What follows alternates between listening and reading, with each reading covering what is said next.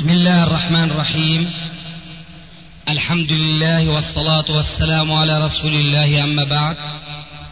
فهذا أحد أشرطة سلسلة الهدى والنور من الدروس العلمية والفتاوى الشرعية لشيخنا المحدث العلامة محمد ناصر الدين الألباني حفظه الله ونفع به الجميع. قام بتسجيلها والتأليف بينها محمد بن أحمد أبو ليلى الأثري. إخوة الإيمان والآن مع الشريط العاشر بعد المئة السادسة على واحد. الشاهد من هذا الحديث أن النبي صلى الله عليه وآله وسلم يحض في هذا الحديث على إحياء سنة أماتها الناس لسبب أو آخر من هذه الأسباب الغفلة. من هذه الأسباب الجهل من هذه الأسباب تكالب الناس على الدنيا فيقوم مسلم فيحيي سنة ويحيي عبادة. من العبادات التي صارت مهملة متروكة ويحييها ويستن الناس به فيها. فيكتب له أجرها وأجر من عمل بها إلى يوم القيامة دون أن ينقص من أجورهم شيء. هذا الحديث صريح الدلالة في هذا المجال وهناك حديث آخر آه، أصرح دلالة ولكن واجبنا العلمي والأمانة العلمية تقتضينا أن نذكر هذا الحديث لصراحته في الدلالة أكثر من السابق مع التنبيه على ضعف إسناده. أما نصه فهو من أحيا سنة أميتت من بعده فله أجرها وأجر من عمل بها إلى آخر الحديث كالحديث السابق تماما لكنه صريح الدلالة كما تسمعون. ذاك يقول من سن سنة حسنة. هذا يحتاج إلى شيء من الفقه والعلم. فلا جرم أن هذا الحديث الصحيح كان سببا بسبب أن ران على قلوب كثير من العلماء.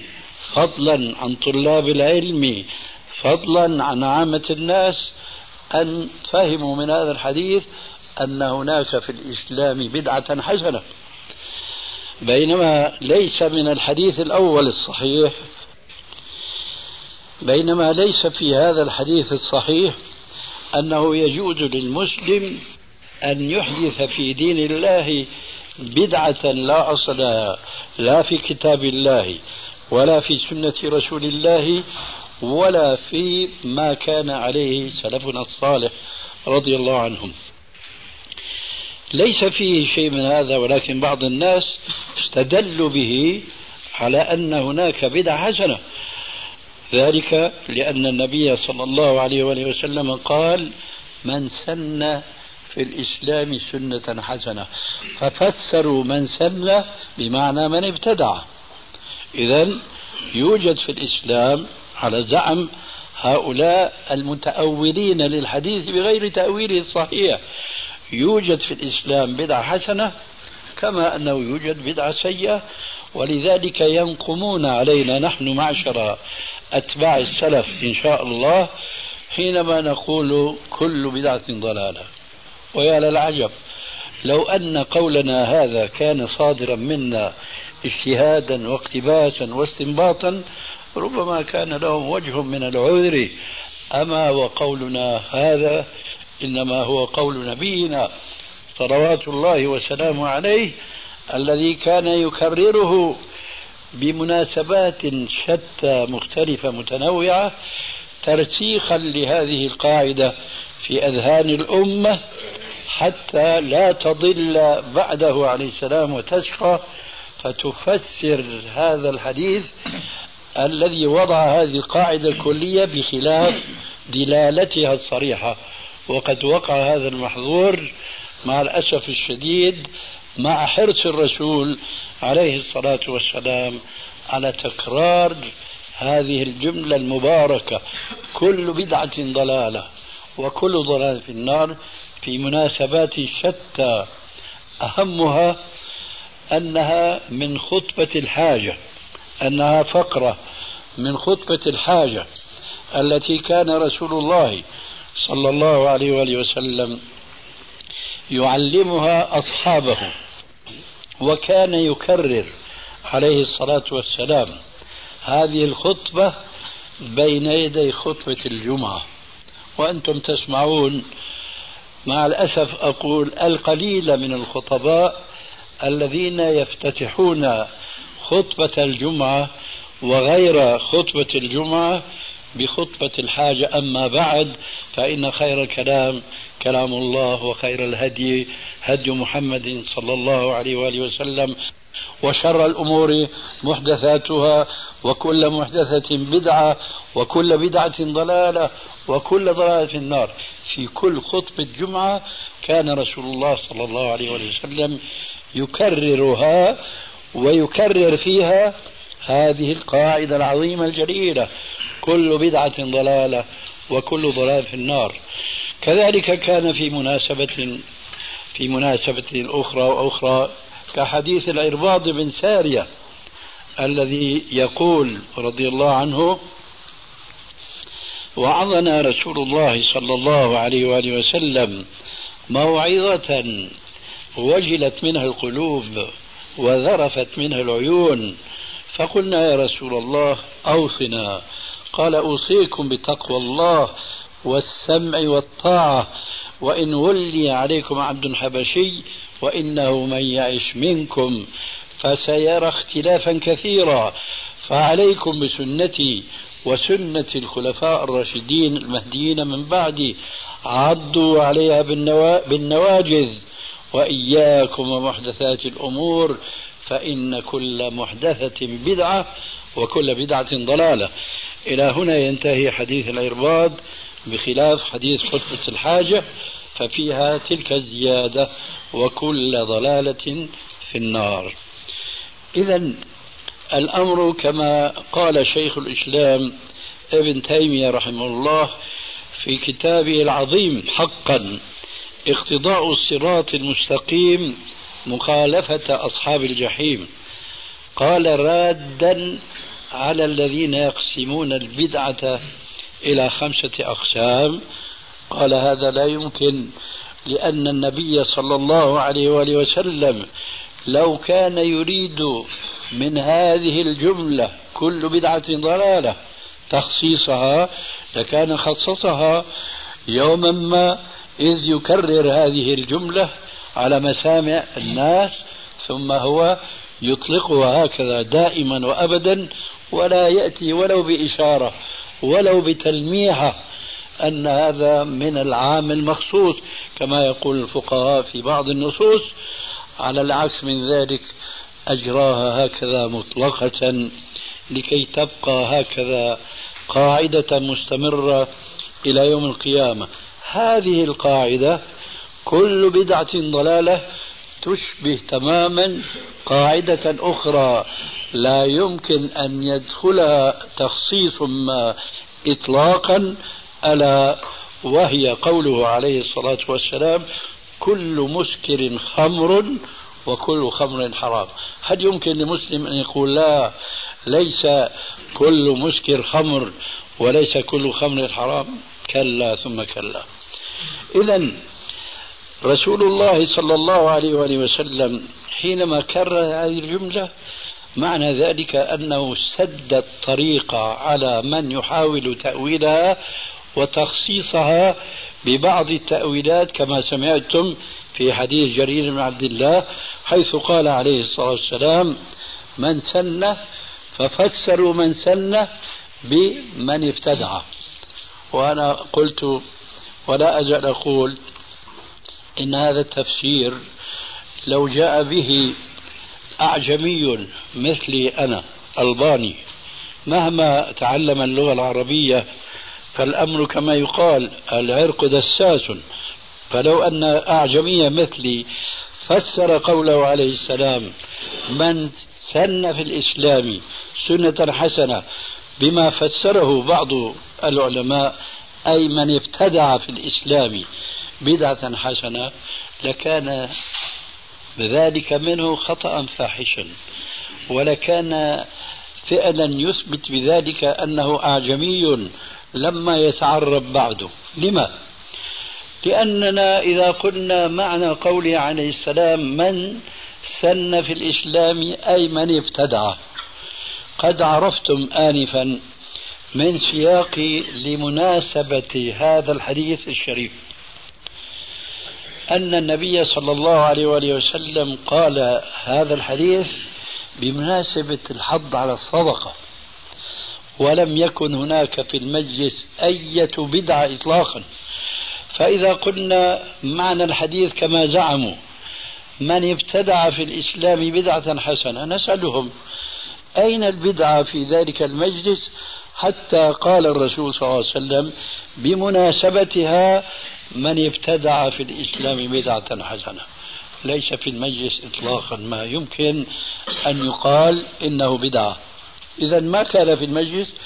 كانت صدقة بعد أن حضر الرسول عليه السلام بالآية وببعض أحاديثه على التصدق على هؤلاء الأعراب قام أولهم فجاء بما تيسر ثم تبعه الآخرون فجاءوا بما تيسر لهم فقال عليه الصلاة والسلام من سن في الإسلام سنة حسنة. إذا خطأ فاحش جدا أن نفسر من حسن هنا بمعنى من ابتدع لأن هذا التفسير لا يطابق الواقع. ورسول الله صلى الله عليه وسلم الذي هو بحق أفصح من نطق بالضاد وأيضا أهتبلها فرصة فأذكر بأن هذه الجملة أنا أفصح من نطق بالضاد حديث باطل رواية ولكن صحيح دراية لأنه هو العربي الصميم الذي أنزل الله على قلبي القرآن بلسان عربي مبين فهو حقا أفصح من نطق بالضاد ولكن ما صح أن النبي صلى الله عليه وآله وسلم تكلم بهذا الحديث. أنا أفصح من نطق بالضاد لكنه حقا هو أفصح من نطق بالضاد. كيف يليق بأفصح الناس أن يقول لا مناسبة هناك لم تقع في المجلس بدعة فيقول من ابتدع في الإسلام بدعة؟ هذا كلام ممجوج تفسير مرفوض تماما. ثم نقول شيء آخر من باب تنبيه إخواننا طلاب العلم والسامعين جميعا أننا إذا قلنا جدلا أن معنى الحديث كما زعموا وهو باطل يقينا لكن سنزداد بيانا لبطلانه بهذا التأويل. سنقول إذا كان معنى حديث من ابتدع في الإسلام بدعة حسنة ومن ابتدع في الإسلام بدعة سيئة. ما هو الميزان وما هو الضابط وما هي القاعدة لمعرفة البدعة الحسنة من البدعة السيئة؟ أهو العقل أم النقل؟ فإن كان قولهم وكان جوابهم إنما هو العقل خرجوا من كونهم كما يقولون من أهل السنة والجماعة وألحقوا أنفسهم بأهل الاعتزال والضلال الذين يقولون بما يعرف عند العلماء بالتحسين والتقبيح العقليين. المعتزلة من ضلالاتهم التي خالفوا فيها جماهير علماء المسلمين أنهم يقولون بما سمعتم بالتحسين والتقبيح العقليين. معنى هذا يزعمون فيقولون ما حسنه العقل فهو الحسن عند الله وما استقبحه العقل فهو القبيح عند الله. سبحانه وتعالى عما يشركون أم لهم شركاء شرعوا لهم من الدين ما لم يأذن به الله ما يحكم عقلهم بأنه حسن فينبغي أن يكون حسنا. وما يحكم عقلهم بأنه قبيح فينبغي أن يكون قبيحا.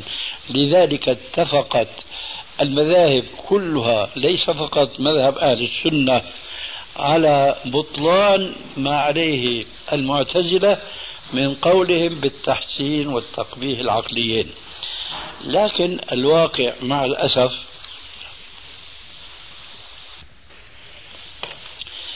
إن كثيرا من المنتمين إلى أهل السنة والجماعة لسان حالهم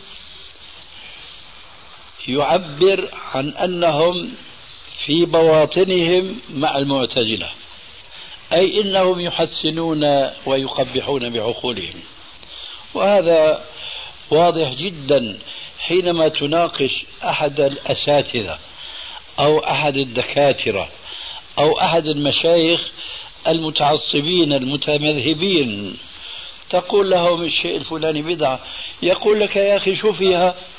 فيها ذكر الله. فيها الصلاة على رسول الله. أنتم تنهون عن ذكر الله وعن الصلاة على رسول الله. حكم عقله. ما سلم عقله لله ولرسوله. كما قال عز وجل فإن تنازعتم في شيء فردوه إلى الله والرسول فهم ردوه إلى عقولهم. هذا اعتزال ضمني. هم يتبرؤون من الاعتزال ويضللون المعتزلة وقد يشتط بعضهم فيكفرونهم. مع ذلك فهم يلتقون معهم في كثير من الأحكام الفرعية حينما يحكمون عقولهم. فالآن نحن في هذا الحديث وهو من سن في الإسلام. إذا سلمنا جدلا أن معنى من سن أي من ابتدع طيب البدعة على كيفنا؟ ولا على شرعنا؟ من الذي يحسن؟ من الذي يقبح؟ هو الشرع. حينئذ سنقول يا أخي إذا ادعيت أن هذا الحادث سنة حسنة فالحسنة إنما تعرف بالنص الشرعي. فنقول هاتوا برهانكم إن كنتم صادقين. ولن يجدوا مطلقا دليلا على استحسان بدعة ليس لها أصل في السنة.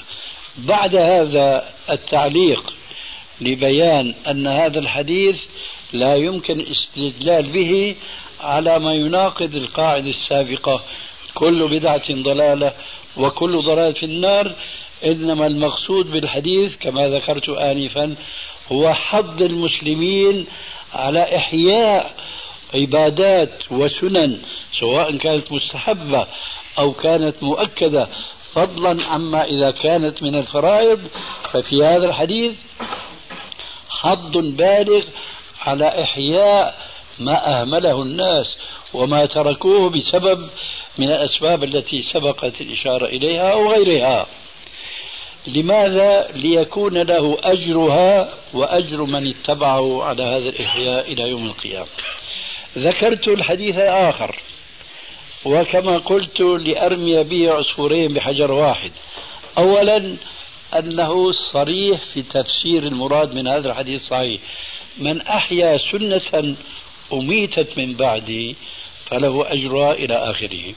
وثانيا لأذكركم أنكم إن رأيتم مثل هذا الحديث في بعض الكتب وسترونه ولا شك لأنه في أحد الكتب الستة وهو بالذات سنن الترمذي فهذا الحديث رواه الترمذي لكن في إسناده رجل اسمه كثير ابن عبد الله ابن عمرو بن عوف المزني وهو رجل متهم بالكذب فروى الحديث ربما رواه بالمعنى الذي تبادر له انطلاقا من الحديث الصحيح. فقال من أحيا سنة أميت من بعدي. لكن هذا المعنى الصريح هنا في هذا الحديث الضعيف السند قد جاء في الحديث الصحيح ما يغنينا عنه وهذا من حججنا على هذا على هذا التفسير. أو على هذا التقسيم المبتدع للسنة.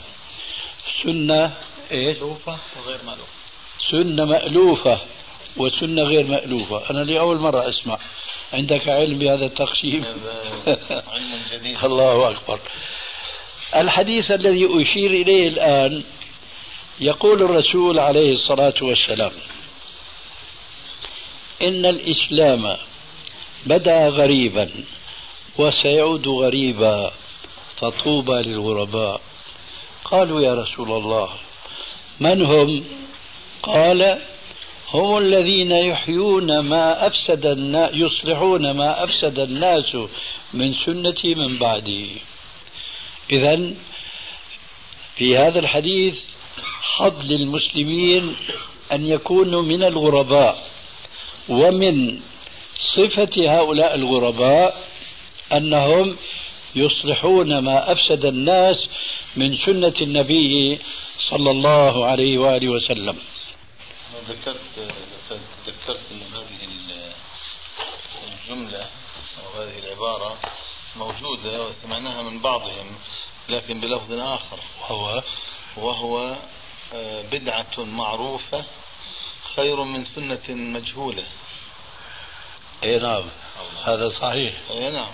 مع الأسف. اذا لهم سلف يعني. اي نعم. لكن لهم من الخلف. اي نعم. اي نعم. تذكرت الآن سنة مألوفة وسنة غير مألوفة. فإذا رسول الله صلى الله عليه وسلم كما حض المسلمين في الحديث الأول الصحيح أن يحيوا السنة حتى يكتب لهم أجرها وأجر من عمل بها كذلك حض هنا المسلمين بعامة أن يكونوا من الغرباء ومن صفة هؤلاء الغرباء أنهم يصلحون ما أفسد الناس من سنتي من بعدي. إلى هنا ينتهي جوابي فيما يحضرني الآن عن هذا التقسيم الذي لا أصل له. ولكننا نعم. سمعتك تقول هنا انتهى الجواب. لكن مو معنى انتهى كلامي. آه نعم. آه. في فرق آه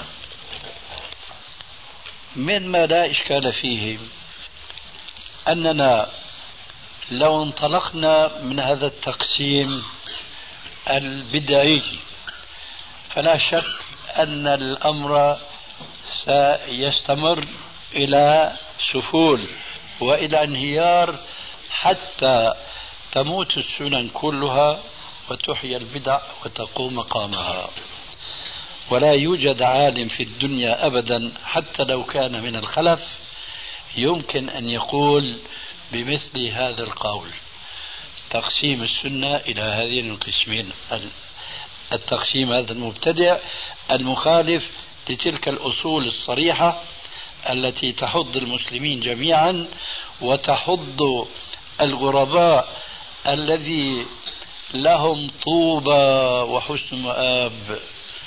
طوبى كما قال عليه الصلاة والسلام في الحديث الصحيح شجرة في الجنة يمشي الراكب المسرع تحت ظلها مئة عام لا يقطعها. هذه الشجرة لمن؟ لهؤلاء الغرباء. ما صفة هؤلاء الغرباء؟ يصلحون ما أفسد الناس من سنتي من بعدي. فإذا ليس هذا التقسيم فقط هو بدعة مخالفة لعموم قوله عليه السلام كل بدعة ضلالة وكل ضلالة في النار بل وهذه بدعة أو هذا التقسيم بدعة مخالف لكل أقوال علماء المسلمين حينما قالوا كل بدعة تخالف السنة فهي بدعة ضلالة وإن كانوا يقولون أن هناك بدعة حسنة لأنهم قالوا بالبدعة حسنة بشرط أن لا تخالف سنة فكيف وقد خالفوا سنن كثيرة هنا.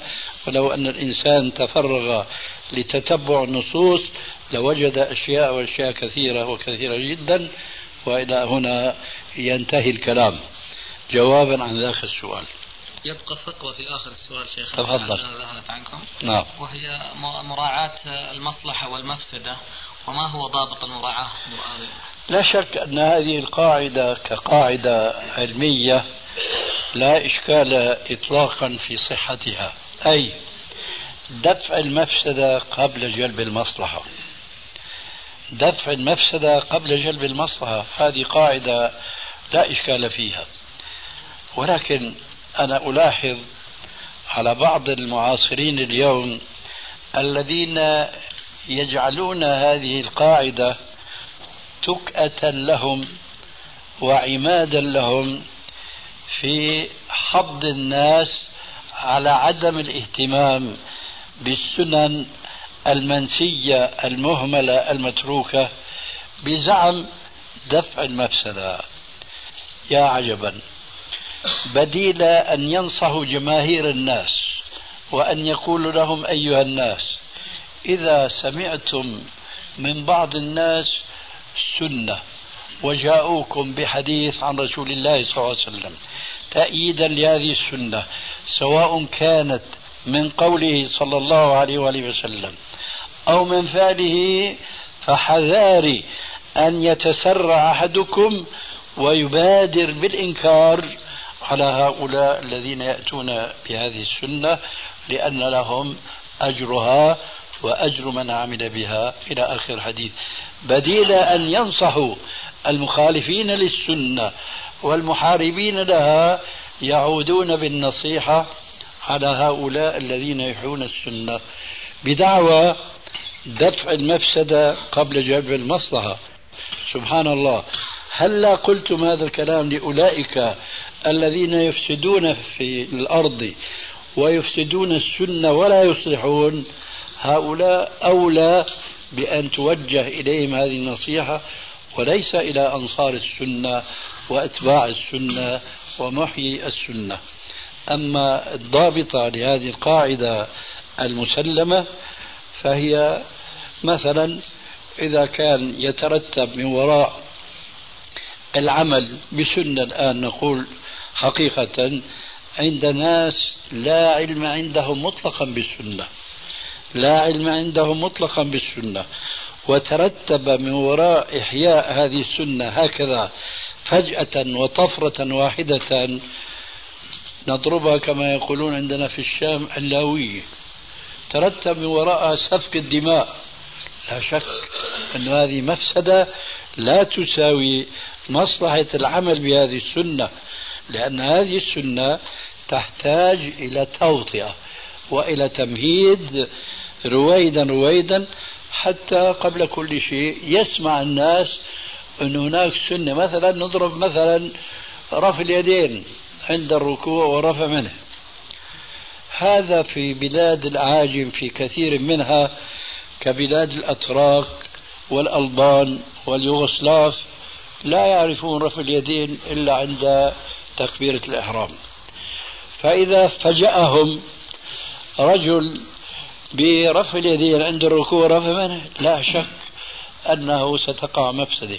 ولكن عليه أن يمهد لإحياء هذه السنة بإحياء العلم بالسنة بتذكيرهم بالأحاديث الواردة في حض المسلمين على التمسك بالسنة والتحذير عن البدعة والآثار الواردة عن السلف الصالح ويمضي على ذلك أياما حتى يرى بأن الناس قد تهيأوا لقبول سنة من السنن المتروكة والمهجورة. فهذا هو الضابط تقريبا والدليل على ذلك أن النبي صلى الله عليه وآله وسلم لما دخل مكة فاتحا منصورا مأجورا ودخل وصلى ركعتين في جوف الكعبة شكرا لله عز وجل على هذا الفتح الكبير. وخرج أرادت زوجه عائشة رضي الله تعالى عنها أن تفعل فعل نبيها. وأن تصلي ركعتين في جوف الكعبة. وأنتم تعلمون مع الأسف حتى الآن باب الكعبة هو على الوضع الذي كان في زمن الجاهلية. مرتفع. لا يمكن الصعود إلى جوف الكعبة إلا بسلم. وهذا السلم مع الأسف لا يوضع إلا. لا أقول لخاصة الناس ربما يصح أن نقول لبعض أكابر مجرميها. لخاصة ها؟ لخاصة كامل هي خاصة أكابر مجرميها. وهكذا كان الأمر في عهد الرسول عليه السلام. فقال لها تيسيرا. وهكذا كان الأمر في عهد الرسول عليه السلام. فقال لها تيسيرا. لها في الاقتداء منها برسول الله صلى الله عليه وآله وسلم صلي في الحجر. كلكم يعلم الحجر المسور بهذا القوس من الجدار فإنه من الكعبة. ولولا أن قومك هنا الشاهد ولولا أن قومك حديث عهد بالشرك لهدمت الكعبة. ولبنيتها على أساس إبراهيم عليه السلام. ولجعلت لها بابين مع الأرض مع الأرض. مش سلم كأي مسجد. تدخل من هذا الباب تخرج من هذا الباب. هذا هو الذي بني على اليسر. ولجعلت لها بابين مع الأرض. بابا يدخلون منه وبابا يخرجون منه. ما فعل الرسول عليه السلام ذلك. وإلى اليوم مع الأسف لم يقم هذا الإصلاح. كأن المسلمين تمسكوا بتركه عليه السلام لهذا الإصلاح. وهنا لابد لي من تقسيم آه، ليس كذاك التقسيم. إنه تقسيم علمي دقيق. السنة تنقسم إلى قسمين. ذكرني بهذا التقسيم هو هذا الحديث. السنة تنقسم إلى قسمين. سنة فعلية وسنة تركية. وإياكم إذا قرأتم هذا التقسيم في بعض الكتب الغير مشكله ومضبوطة تقرأوها سنة فعلية وسنة تركية. سنة فعلية وسنة تركية. أي سنة فعلها الرسول فالحق فالأمر بحقنا أن نقتدي به عليه السلام. وسنة تركية أي تركها الرسول عليه السلام ولم يفعلها فالسنة في حقنا تركها. هذا التقسيم ليس كذاك التقسيم. هذا إنه لحق مثل ما أنكم تنطقون. والمثال الأمثلة كثيرة جدا. ولجهل جماهير الخلف بهذا التقسيم العادل الصحيح وقعوا في الابتداع في الدين بالعشرات المئات الألوف من البدع وهم مع الأسف يحسبون أنهم يحسنون صنعهم. كلنا يعلم أن من السنة الأذان للصلوات الخمس. بل أقول هذا من الواجب. لكن هناك خلاف بين الفقهاء. هل الأذان سنة أم واجب؟ منهم ومنهم وفيهم وفيهم من قال إنه شعيرة من شعائر الإسلام. وأنه لا يجوز إهماله ولا بد من القيام به وتوسط بين القول بأنه سنة مؤكدة وبين أنه واجب. فهب أن الأذان للصلاة الخمس سنة لكن هناك صلوات أخرى فهل يشرع لها الأذان؟ مثلا صلاة الاستسقاء صلاة العيدين صلاة الكسوف والخسوف لا يشرع لهذه الصلوات الأذان. ما هو الحجة؟ كثير من جهل بتلك القاعدة العظيمة. كل بدعة ضلالة.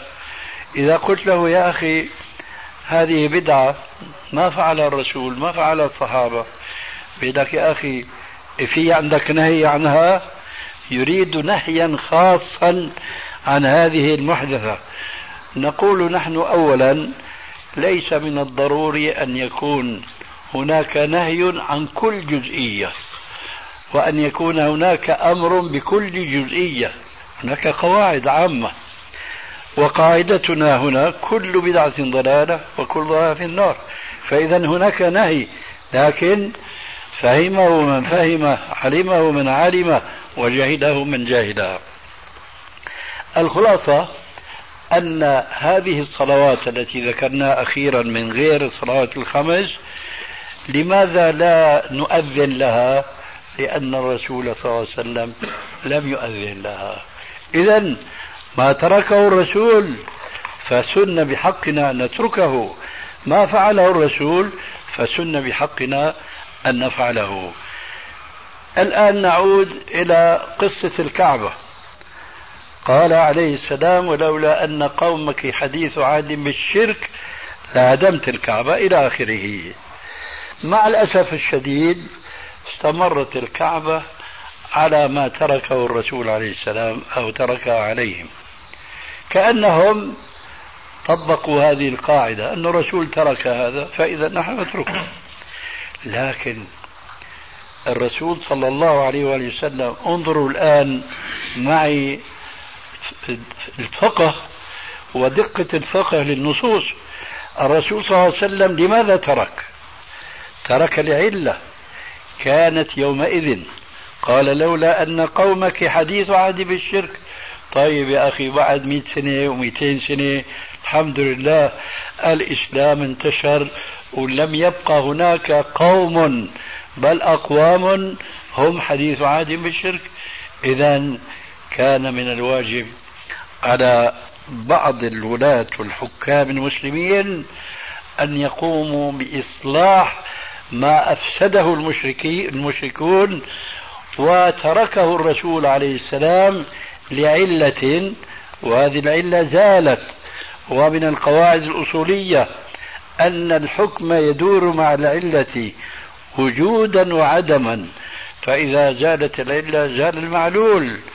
إذا زال المشركون وطهر الله عز وجل الجزيرة العربية من الشرك وأهله فكان ينبغي على بعض حكام المسلمين أن يعيدوا الكعبة إلى أساس إبراهيم عليه السلام كما قال رسول الله صلى الله عليه وسلم. لقد شاء الله عز وجل بحكمته أن يقوم أحد المصلحين من الصحابة وأبناء الصحابة يوم قدر له أن يكون حاكما في الحجاز ألا وهو عبد الله ابن الزبير رضي الله تعالى عنهما. تعلمون مع الأسف الخلاف الذي نشب بين الأمويين وبين عبد الله بن الزبير من حيث أنه بوي عبد الله بن الزبير بالخلافة في الحجاز. وكانت الخلافة يومئذ انتقلت إلى معاوية ثم إلى بعض أولاده وبني أمية. عبد الله بن الزبير كما تعلمون جميعا أمه أسماء وأسماء هي أخت عائشة وكلتاهما ابنتا أبي بكر الصديق. فإذا عائشة هي خالة عبد الله بن الزبير. عائشة هي صاحبة القصة. التي سمعتموها آنفا ولولا أن قومك حديث عاد بالشرك إلى آخره. فاهتبلها فرصة. عبد الله بن الزبير وعاد الكعبة على أساس إبراهيم عليه السلام. لكن لحكمة يريدها الله ويعلمها الله قتل عبد الله بن الزبير وصلب مع الأسف هناك في مكة. واستتب الأمر للأمويين. وكان يومئذ الخليفة هو فيما أذكر عبد الملك ابن مروان. ومن مصائب الدنيا ومفاتنها ومفاتن الولايات والكراسي.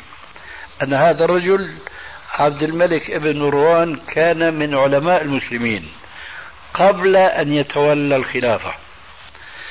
فلما تولى الخلافة انقلب شخصا آخر. ومن ذلك أنه حينما قتل عبد الله بن الزبير واستتب الأمن لعبد الملك أمر بإعادة بناء الكعبة إلى ما كانت عليه في عهد الجاهلية. وذات يوم وهو في عرشه في ملكه جاءت قصة عبد الله بن الزبير وتجديده لبناء الكعبة على أساس إبراهيم عليه السلام. كأنه ينقم عليه. فأحد أهل العلم ممن لا تأخذهم. بالله لومة لائم قال يا أمير المؤمنين إنني سمعت عبد الله بن الزبير يقول حدثتني عائشة عن رسول الله صلى الله عليه وسلم وذكر هذا الحديث. قال عبد الملك آسفا كما يقولون بعد خراب البصرة. لا خراب الكعبة أهم من خراب البصرة. قال لو أنني كنت على علم بهذا الحديث لتركت الكعبة على بناء عبد الله بن الزبير فأنا أقول مع الأسف الشديد بعد أن عاد عبد الملك الكعبة إلى عادها في الجاهلية لم يقم هناك حاكم مسلم ليعيد الكعبة على أساس إبراهيم عليه السلام.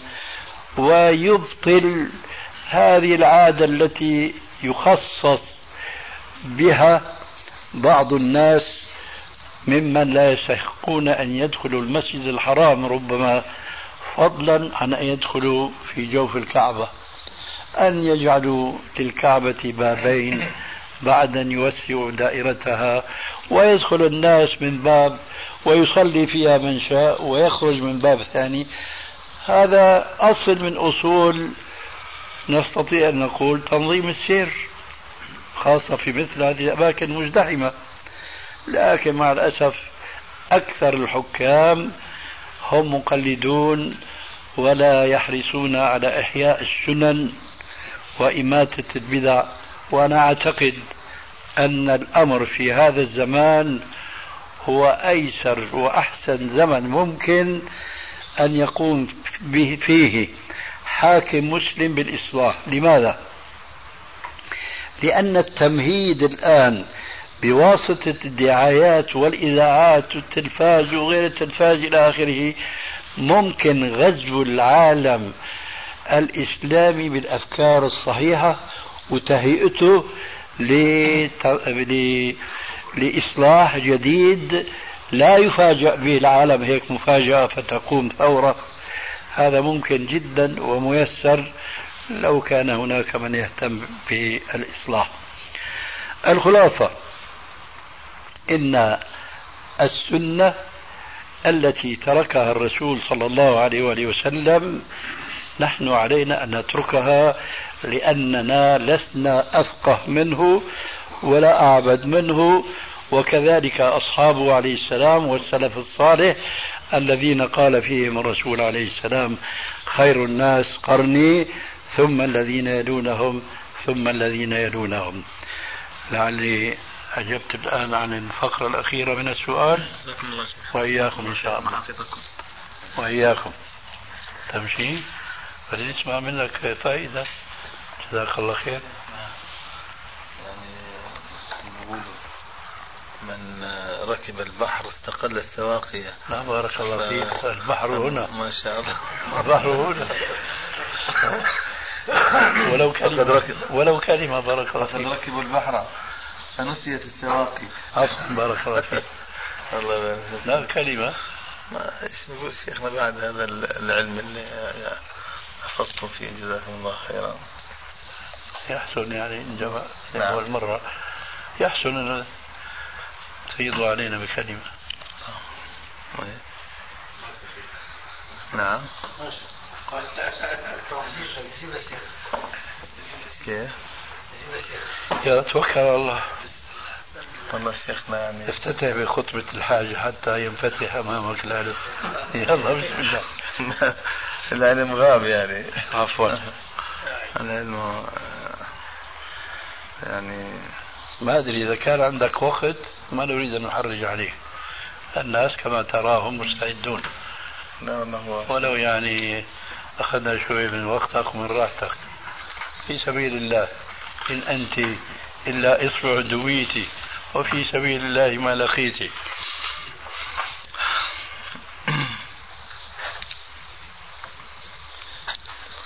إن الحمد لله نحمده ونستعينه ونستغفره ونعوذ بالله من شرور أنفسنا ومن سيئات أعمالنا. من يهده الله فلا مضل له ومن يضلل فلا هادي له. وأشهد أن لا إله إلا الله وحده لا شريك له. وأشهد أن محمدا عبده ورسوله. يا أيها الذين آمنوا اتقوا الله حق تقاته ولا تموتن إلا وأنتم مسلمون. يا أيها الناس اتقوا ربكم الذي خلقكم من نفس واحدة وخلق منها زوجها وبث منهما رجالا كثيرا ونساء. واتقوا الله الذي تساءلون به والأرحام. إن الله كان عليكم رقيبا.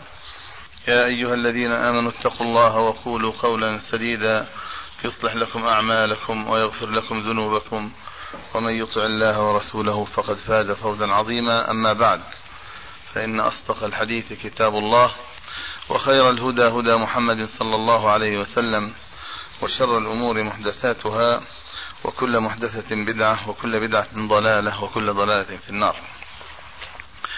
إخواني بارك الله فيكم.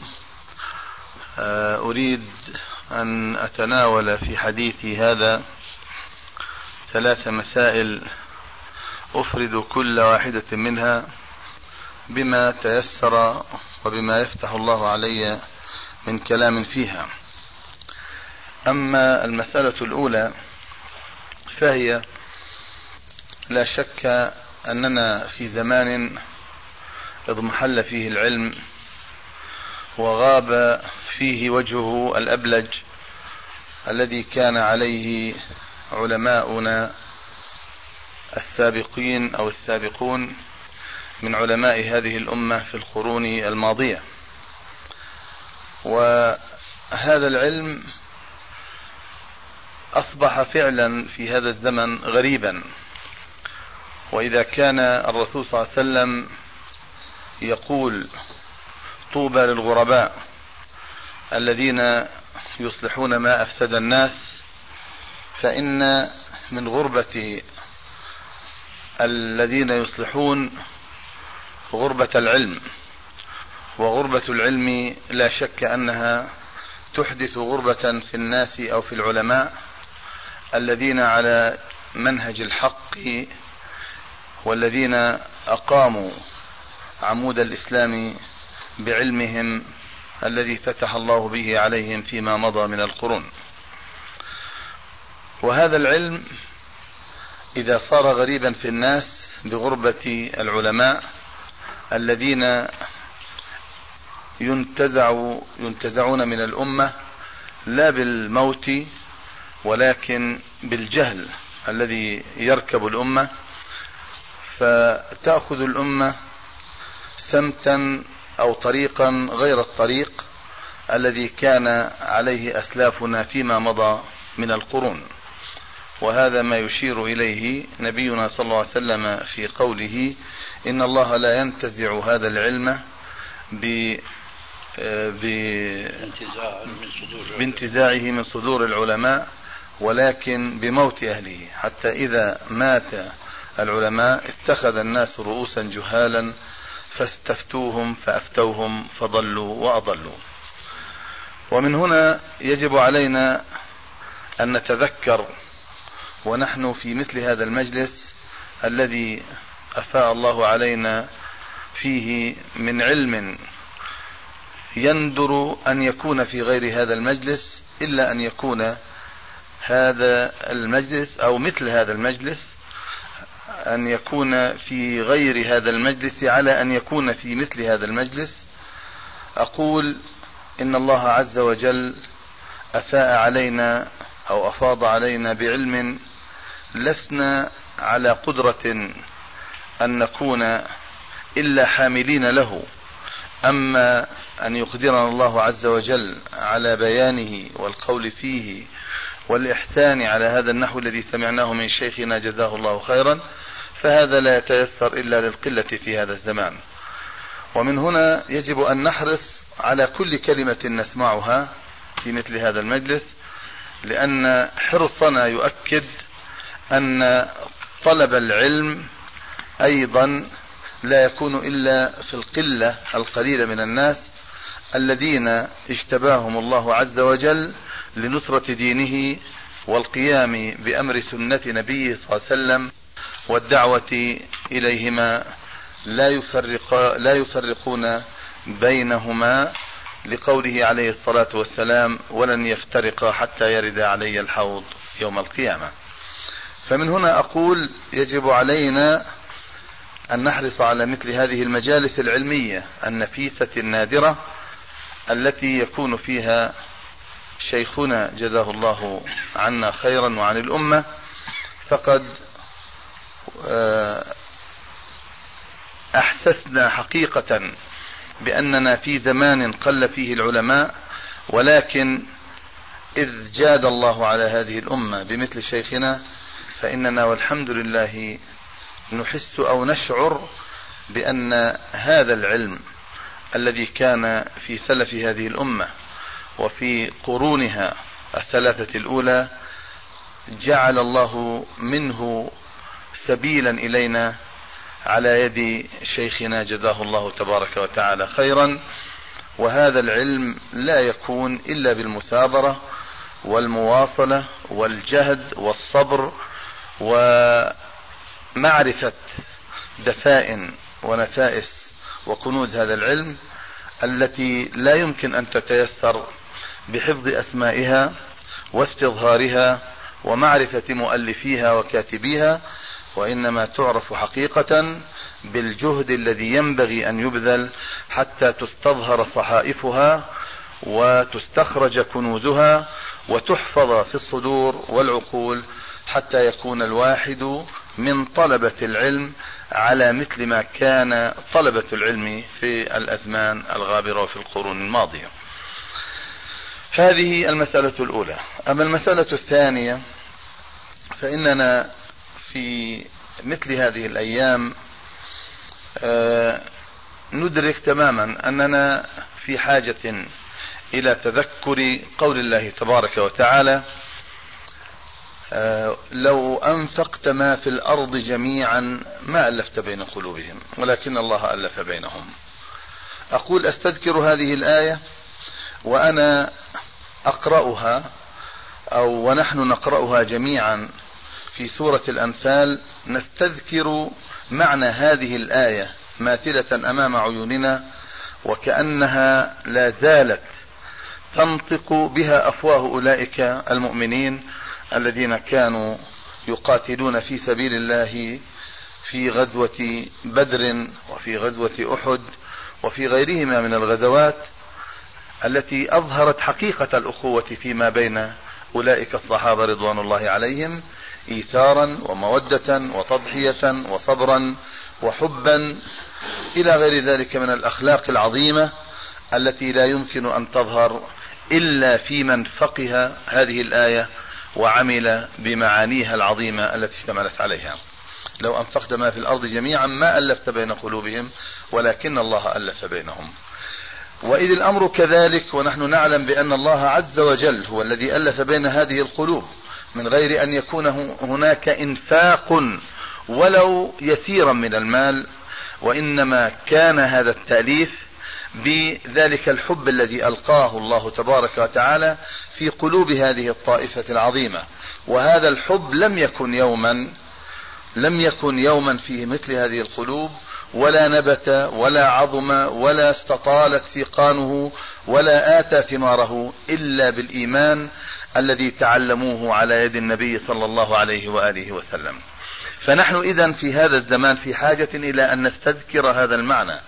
وأن نستحضره في نفوسنا وألا يغيب لحظة واحدة عنا وأن ننفي عنا كل ما يمكن أن يؤثر على هذا الأمر الذي اختصه الله تبارك وتعالى بهذه الطائفة وهي طائفة المؤمنين.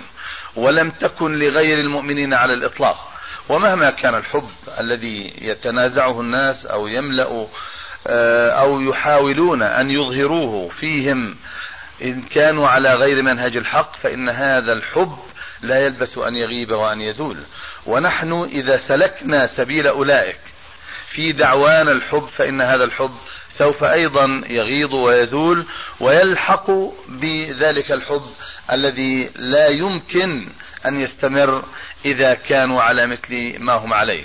فنحن إذا يجب أن نحفظ هذه الآية حفظا جيدا وأن نعلم بأن هذا الحب أو هذا هذا الحب الذي أو هذه الأخوة التي كانت على أصل الحب الذي قام شجرة باسقة في قلوب أصحابه رضوان الله عليهم لن يكون فينا إلا على مثل ما كان في أولئك المؤمنين الصادقين وهي هبة سماوية ليس للبشر فيها فضل إلا أن يحافظوا عليها وأن يجنوا ثمارها وأن يجعلوا سبيلهم إليها سبيل إصلاح ومحافظة عليها وإلا فإن هذه النعمة سوف تزول. ولقد رأيتم آه، زوال شيء منها في تلك الفتنة التي ألمت بالأمة وأحاطت بها من كل أطرافها. ونحن الآن والحمد لله نرى مصداق هذه الآية. وقد ابتعد عنا هذا المعنى الذي آه، جاءت به هذه الفتنة العظيمة في بيت إخوة لنا كرام. من آه، القطر من قطر قطر حيث آه، نجلس في بيتهم وأكلنا من طعامهم وشعرنا فعلا بأن الفتن مهما عظمت ومهما حاول أعداء الإسلام أن آه، يضرموا نارها وأن يؤججوا لهيبها وأن يقطعوا أسبابها فإنها باقية فينا وبقاؤها لم يكن إلا لأننا فقهنا والحمد لله قول ربنا تبارك وتعالى لو أنفقت ما في الأرض جميعا ما ألفت بين قلوبهم ولكن الله ألف بينهم.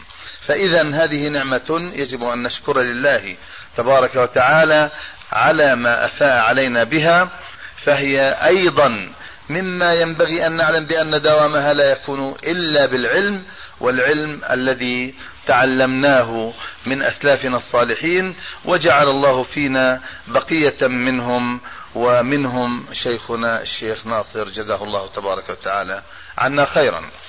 أما المسألة الثالثة وهي الأخيرة فإنه لا شك يا إخوان بأن أعظم فتنة أصيبت بها الأمة في هذا الزمان وتصاب بها في الأزمنة المقبلة وأصيبت بها أيضا في الأزمنة الماضية أعظم فتنة هي فتنة المال التي قال فيها النبي صلى الله عليه وسلم فتنة أمتي لكل أمة فتنة وفتنة أمتي المال. فالمال يا إخوان ليس هو السبيل الذي يصلح عليه أمر هذه الأمة.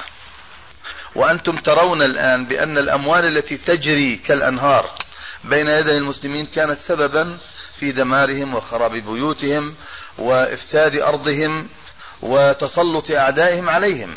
فلو كان المال سببا في إحياء الأمة وفي نهضتها وفي بناء مجدها وفي أن تلحق بالركب الذين مضوا من سلف هذه الأمة لكانت الأمة اليوم هي أعلى الأمم في الأرض. ولكن هذه الأمة وقد أصيبت بفتنة المال واحاقت بها من كل أطرافها فاجتالتها عن مواقع الخير والمودة والمحبة. هذه الأمة ينبغي أن تعلم وقد وقعت في تجربة عظيمة وخطيرة. زلزلتها وقد وقضت مضاجعها وحملتها على سفن وعلى في في في بحور في بحور هوجاء متلاطمة الأمواج لن يستقر أمرها إلا إذا عرفت أن المال ليس سبيلها في نهضتها وليس سبيلها إلى وحدتها وليس سبيلها أيضا إلى اجتماع كلمتها. وأنتم ترون ولا حاجة لأن أضرب الأمثلة أو أقرب الأمر إليكم أكثر مما أشرت, مما أشرت إليه فإن الإشارة هنا تكفي وتكفي وتكفي. لذلك لا بد أن نعلم بأن المال الذي كان سببا في إطفاء جذوة الإيمان وفي تقطيع مودات القلوب وفي استعباد هذه الأمة على أيدي أعدائها وفي استعباد هذه الأمة على أيدي أعدائها وفي انتقاص أرضها وفي سلب خيراتها وفي ضربها بعضها مع بعض يجب أن نعلم بأن هذه الفتنة هي أخطر فتنة وأن علينا أن نتخلص منها وألا تتعلق بها قلوبنا. والذي يحل محل هذه الفتنة ولا شك هو أن نعلم بأن الآخرة خير لنا وأبقى وأن الآخرة التي قال الله عز وجل فيها ما قال من تقديمها وتفضيلها على الدنيا وترغيب الناس في العمل إليها لن تنال بالتمني ولن تكون إلا بالسعي بالعمل الصالح والبذل المتواصل والجهد الذي لا ينقطع وطلب العلم والمعرفة. فإن الآخرة الآخرة لا بد لها من علم والعلم لا يكون إلا